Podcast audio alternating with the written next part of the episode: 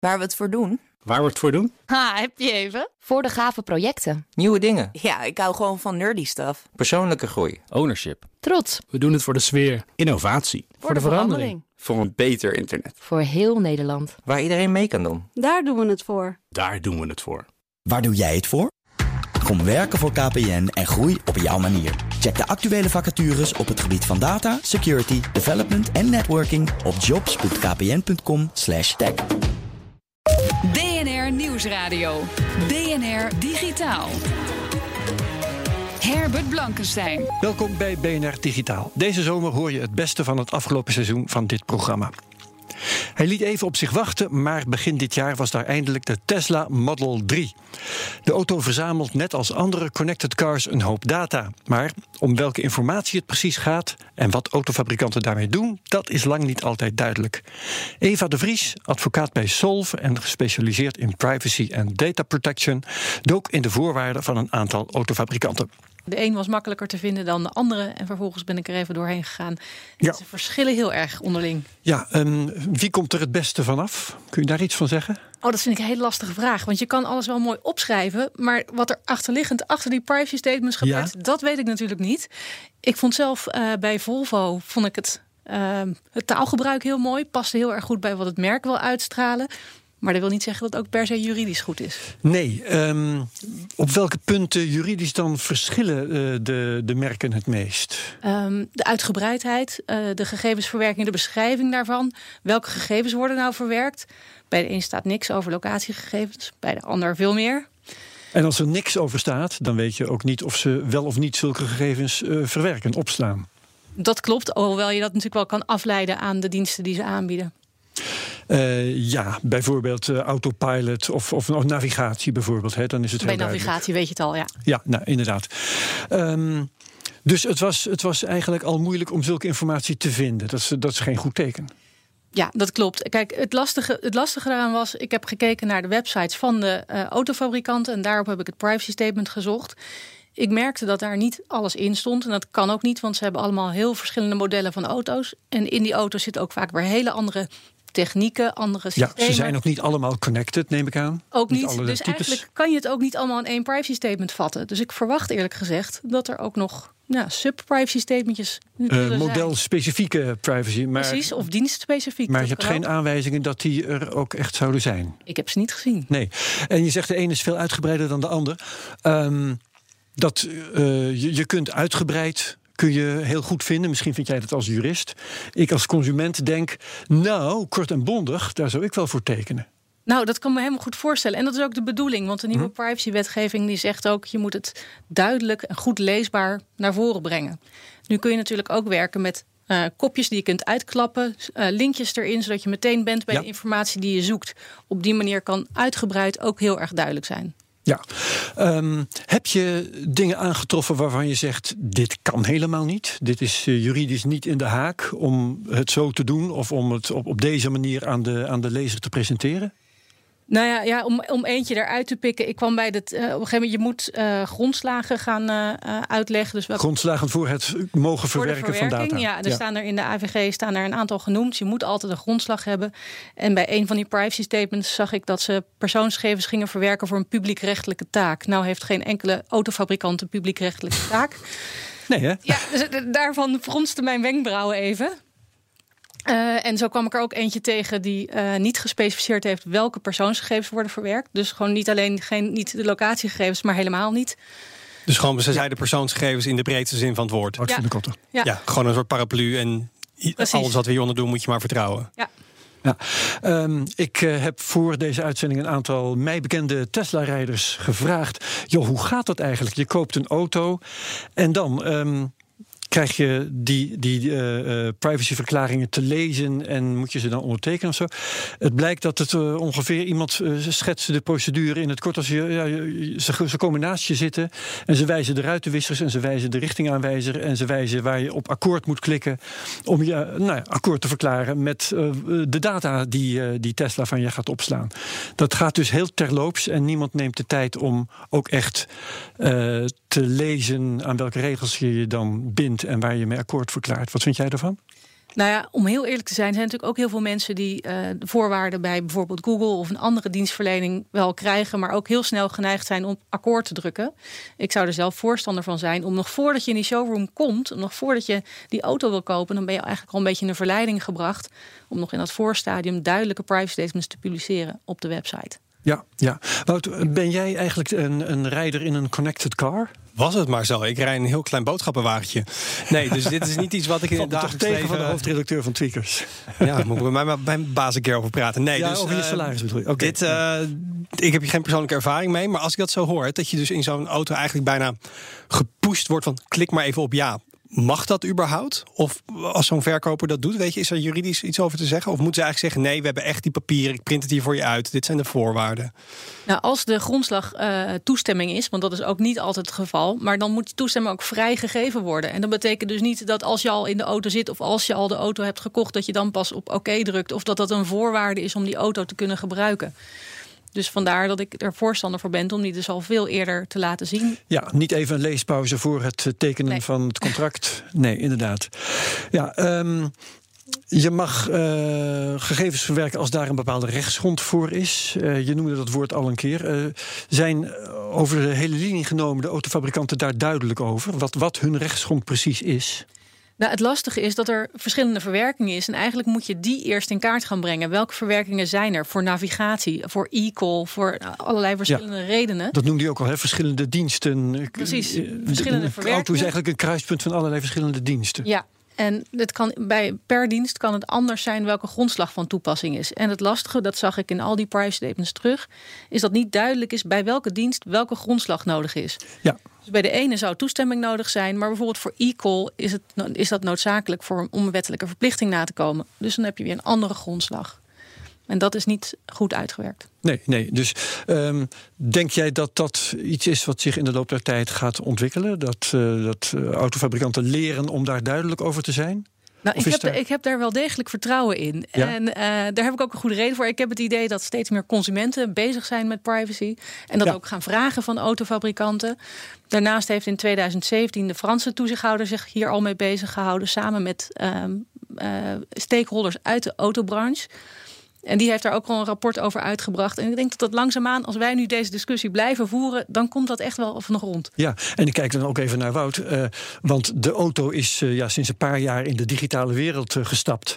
En duurt nog eventjes misschien voordat iedereen snapt dat de auto een digitaal apparaat is. Maar voor, hè, voor andere digitale apparaten is dit al aan het groeien. En het zal dan voor de auto waarschijnlijk ook wel. Nee, tuurlijk. En ik vraag me ook heel af hoe, eh, vraag me af hoe ze dat implementeren. Want als ik een nieuwe telefoon koop, dan moet ik eh, accountgegevens invullen. Dan moet ik denk ik een keer of acht op ja klikken. Er zijn verschillende privacy. Je moet je best wel ergens doorheen worstelen. Het is niet per se even leuk voor de consument, maar het is wel juridisch verplicht. En als er nu een enkel vinkje, een enkel toestemmingje is in zo'n auto, ik denk dat dat wel, dat zullen er wel meer gaan worden dan in de toekomst. Als er nog steeds meer diensten via die auto gaan aanbieden. Ja, dan eh fiets je van, van, eh, van eh, Hilversum naar Groningen en weer terug al klikkend. Nou, of de, de meneer in de showroom die geeft je een kopje koffie, zegt ik kom over een uurtje wel terug. Eh, succes met de privacyvoorwaarden Succes doorlezen. met het klikken. Ja. Ja, ja, ja. Ehm, een onbetreden gebied trouwens, Eva, dat merkten we ook eigenlijk pas kort voordat we hier de studio ingingen. Dat is de Connected Occasion. Want ik ben eh, een, een rijder in een gebruikte Tesla gaan vragen van... goh, wat is er eigenlijk geregeld bij de overgang van die Tesla... van de andere zijn handen in jouw handen? En die weet dat zelf eigenlijk niet zo precies. Nou ja, er werd net al eh, de, de parallel getrokken met nou, mobiele apparaten, dus een telefoon en, eh, en gegevensverwerking en Ja. privacy. Eigenlijk zou je ook denken bij een auto, dan moet eerst al die data eraf. En dan maak je een nieuwe account aan. En dan ga je met die account die tweedehands auto kopen. En dat is dat als ik nu een, een tweedehands iPhone zou kopen, ga ik ook mijn eigen iCloud weer installeren op die iPhone. Wellicht gaat het die kant op. Wat, wat voor advies zou jij de autofabrikanten nu tot slot meegeven? Ehm, nou, wees helder in welke diensten je nou precies aanbiedt, welke applicaties er in die auto zitten. ehm, en per dienst ook welke, welke grondslag daarvoor geldt. Ja. En welke En van jou is en welke van een derde partij eventueel? Dat ook. En zorg ervoor dat je vooraf dus ook kunt zien welke voorwaarden bij welke dienst horen. Want ik zag ook wel eh, websites waar die diensten wel waren uitgelegd. Maar ik kon als niet-autobezitter, zonder, niet, zonder mijn chassisnummer eerst in te voeren, zien wat nou die voorwaarden waren. Zorg dat het van tevoren beschikbaar is. Ja, en misschien inderdaad ook wel voor mensen die, eh, die zo'n chassis- chassisnummer nog helemaal niet hebben. Precies. Wat hebben succesvol je businessmodel veranderen en een slimme nestkast met elkaar te maken? Dat hoor je zo. BNR Nieuwsradio. BNR Digitaal. Welkom terug bij BNR Digitaal. Met deze zomer het beste van het afgelopen seizoen van dit programma. Wil je als bedrijf succesvol je businessmodel veranderen, dan kun je niet om het Internet of Things heen. Dat vindt Robert Herenkop, zelfstandig IoT-professional bij IoT C360. Hij heeft daarom een slimme nestkast ontworpen die jij en ik zelf kunnen bouwen. Maar wat Herenkop betreft is het vooral de directiekamer die de handen uit de mouwen moet steken. Ten eerste omdat het dan uh, zijn of haar eigen vogelhuisje wordt. En op die manier ook ervaring opdoet met Internet Things. En dan ook op die manier vaststelt dat het eigenlijk helemaal niet eng is. En dat het eigenlijk heel makkelijk te maken is uh, zelf. En uh, nou, dat leidt tot inzicht. En ik hoop dat dat in ieder geval de eerste stap is in waarmee we dan bedrijven helpen. En voor organisaties eigenlijk in de breedste zin van het woord, uh, met de digitaliseringsambities. Want ik zie heel vaak ambities en visies, maar de vertaling naar concrete producten en diensten uh, is vaak heel lastig. Ja, want jij zit uh, wel tussen die twee uitersten. Hè? Jij bent product manager, dus je helpt producten realiseren. Maar omdat jij ingehuurd moet worden, zit je ook nu en dan in de boardroom met ja. de stopdassen te discussiëren. Ja, dus aan het ene moment zit ik bij, bij directies en bij managementteams die dan echt zeggen van joh, we willen graag digitaliseren. We hebben ook echt een ambitie om op termijn, zeg maar van product sales naar uh, ja, product as service uh, dienstverlening te gaan. Maar uh, ja, die vertaalslag is heel moeilijk. En hoe moeten we dat dan precies doen? Um, nou, en in feite, die technologie is gewoon beschikbaar. Het gaat uiteindelijk niet om die techniek. De techniek is een uh, enabler. En ja, op die manier kunnen bedrijven dan ja, product as a service gaan aanbieden. Dus ja. Of, en dan kun je bijvoorbeeld denken aan nou ja, leaseauto's, zijn we natuurlijk al gewend. Je ziet nu ook studenten die geen fiets meer kopen, maar een product, een, een abonnementje nemen. Uh, maar dat geldt natuurlijk ook gewoon voor, voor streaming en alle. Dus heel veel producten zullen gaan verdwijnen. Dat is gewoon een uh, wereldwijde trend en dat zullen gewoon diensten gaan worden.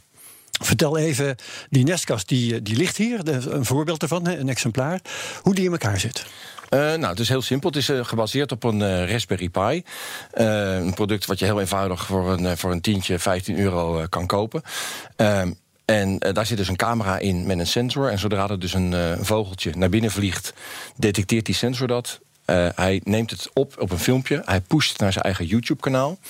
Uh, en op die manier zet hij filmpjes op zijn eigen YouTube-kanaal. En iedere nacht uh, kijkt hij welke filmpjes geliked worden en bekeken worden. En de filmpjes die wat ouder zijn en niet geliked worden, die, die wist hij weer. Dus hij onderhoudt zijn eigen YouTube-kanaal. En daarnaast stuurt het slimme vogelhuisje ook gewoon open data. Dus de temperatuur, luchtvochtigheid en het aantal bezoekjes uh, worden real-time zeg maar, uh, ja, rondgestuurd het internet op. En iedereen kan daarmee ook aan de slag. Ja, en informatie over hoe je dat in elkaar moet schroeven. Fysiek dus, hè, de hardware. En de software die er nodig is om naar, naar YouTube te uploaden... en al die zaken meer die jij beschrijft. Uh, dat is allemaal, allemaal open source open source en gratis te krijgen. Ja, staat op, op GitHub staat het. En uh, met, een, met een stappenplan hoe je het uh, zelf kunt nabouwen. Met een source code erbij en een uitleg. Dus iedereen kan hem gewoon nabouwen, maar kan hem ook verbeteren. Uh, ik ben heel veel ja. benaderd door mensen die vragen: kan ik hem bij je kopen? Nou, dat is beslist niet de bedoeling. je kunt hem alleen maar gratis krijgen. Ja. ja. Dus de bedoeling is echt dat mensen er zelf aan de slag gaan. Dus dit, dit product is niet te koop. Ja, uh, aan de andere kant, uh, dat, dat vind ik wel weer grappig, aangezien jij al die informatie open source en gratis aanbiedt. Iemand die denkt, hé, hey, nestkasten verkopen, dat lijkt mij nou een leuk idee. Mm -hmm. Die kan ze gewoon in serie gaan maken en op de markt gooien. Ja, maar ik heb natuurlijk al een keer contact gehad met degenen die dus vogelhuisjes maken. En die zijn ook gewend om gewoon vogelhuisjes te verkopen.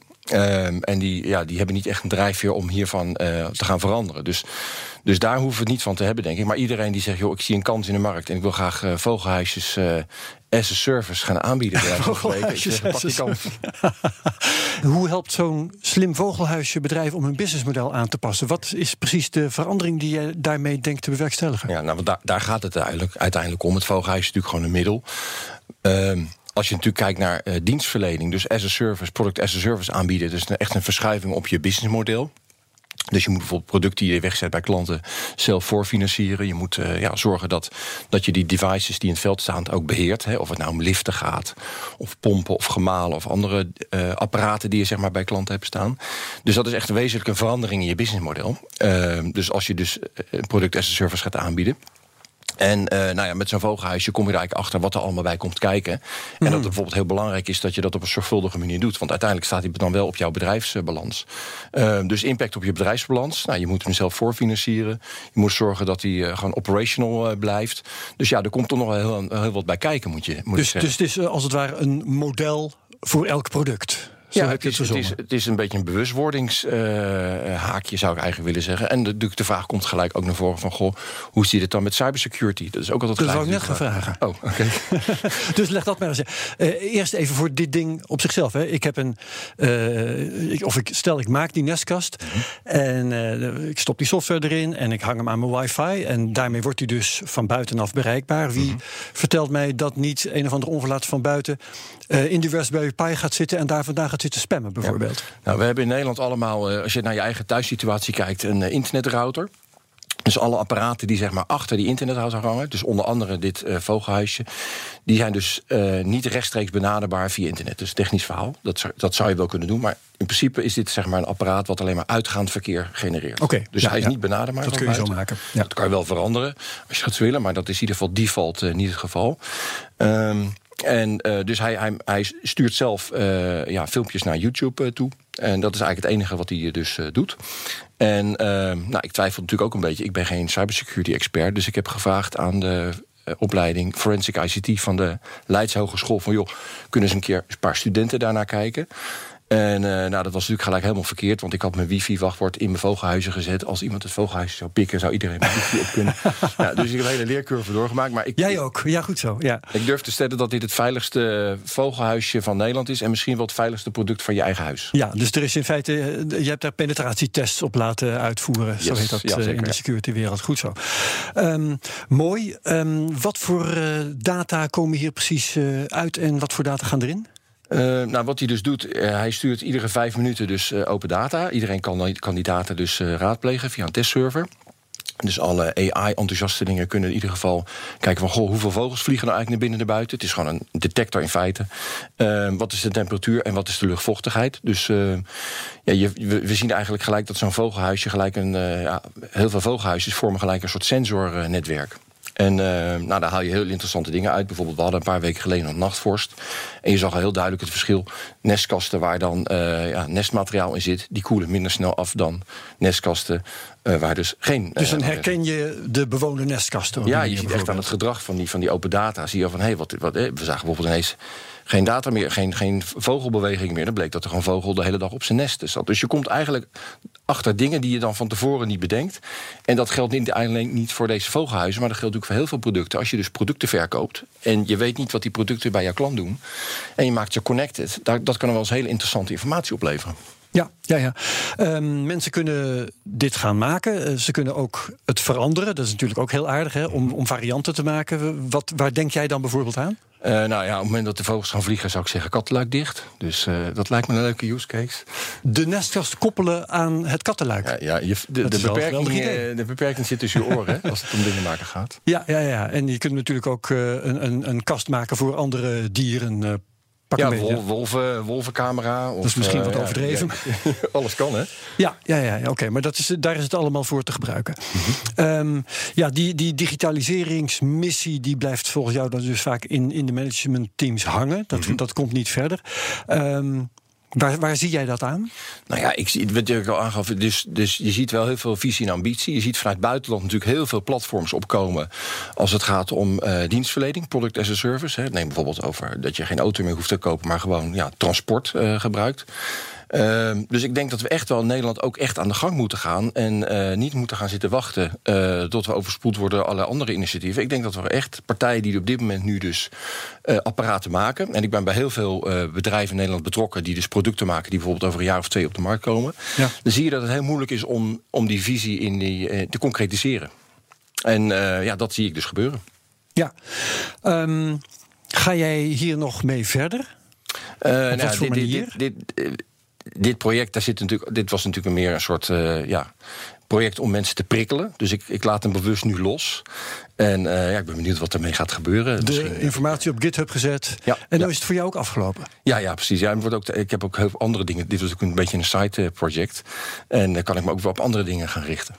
Ja, maar denk je dat het dan verder vanzelf gaat? Dat het wordt opgepakt door mensen die ze maken en eh, dat die cultuurverandering in de boardroom die jij uh, nastreeft, dat die dan. Want eigenlijk zou je als een soort uh, propagandist, een evangelist, de boer op moeten. Ja, ja heel graag. Dus ja, iedereen die luistert en zegt: Goh, ik wil graag mijn digitalisering ambitie wil ik gaan concretiseren. Kijk vooral naar dat vogelhuisje. En als je er niet uitkomt, dan mag je natuurlijk altijd bellen. Ja, en uh, de KVK heeft nog, de Kamer van Koophandel heeft hier nog op gereageerd. Zij, uh, mm-hmm. Moet jij geen nominatie hebben voor uh, de innovatieprijs die ja. zij uitreiken? Is het ook gebeurd? Nou ja, ik moet zeggen, ik ben niet zo. ik, ik, ik mezelf nomineren. Ehm, dit is natuurlijk een product dat ook niet te koop is. Dus ik weet niet of het ook binnen die doelgroep. Het zou fantastisch zijn als het natuurlijk bedrijven in Nederland. ja, die zo'n transitieslag maken uh, van product naar dienstverlening, dat die dat zouden winnen. En als ik daarbij kan helpen, heel graag. BNR Nieuwsradio. BNR Digitaal. In 1977 heeft NASA aan boord van de Voyager 1 en 2 een identieke gouden langspeelplaat de ruimte ingestuurd. Op de platen staan analoog gecodeerde geluiden en beelden van onze beschaving. Het doel, eventueel buitenaards leven, te laten weten dat wij bestaan. Maar om bij die informatie te komen, moet je de informatie wel kunnen ontcijferen. The Verge probeerde het. Ivan Verrips keek naar het verslag. The Voyager probes have become two of the farthest reaching objects ever launched by humanity. And the Golden Record's real functioning LPs contain something utterly unique audio and images from Earth. Laten we beginnen bij het geluid dat op de plaat staat. Op de verpakking van de platen staan symbolen, aanwijzingen om erachter te komen hoe je die plaat moet afspelen. Kom je daarachter, dan hoor je onder andere dit. Greetings in 55 languages. Samples of music from around the world. Sounds of Earth, such as oceans, birds, thunder and whales. Leuk, maar de grote uitdaging zit op de B-kant van de plaat, waar de afbeeldingen zitten verstopt in geluidssignalen. In order for anyone or anything to see the images contained on the record, they'll have to decode this.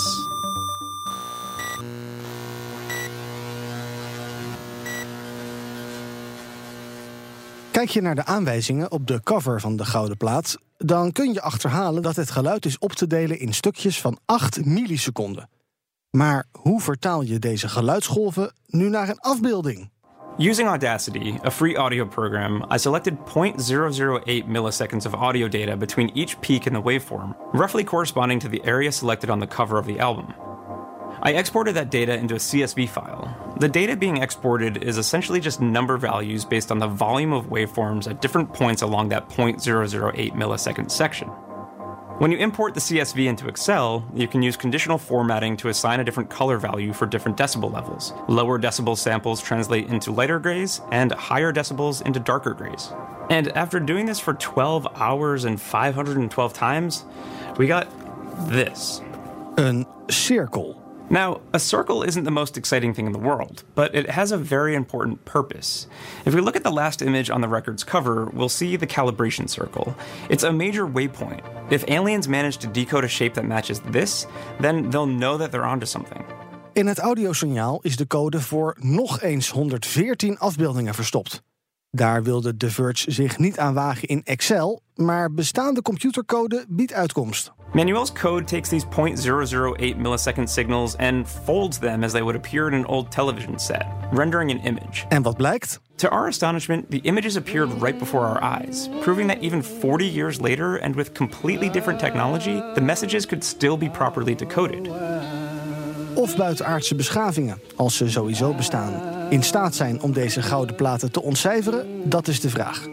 Maar voor de ontwerper van de gouden plaat, John Lomberg, is dat echter niet het punt. Whatever happens to it in space, whatever its unknown destiny is, I think it represents a high watermark of, of our civilization when we dream the biggest dream, really.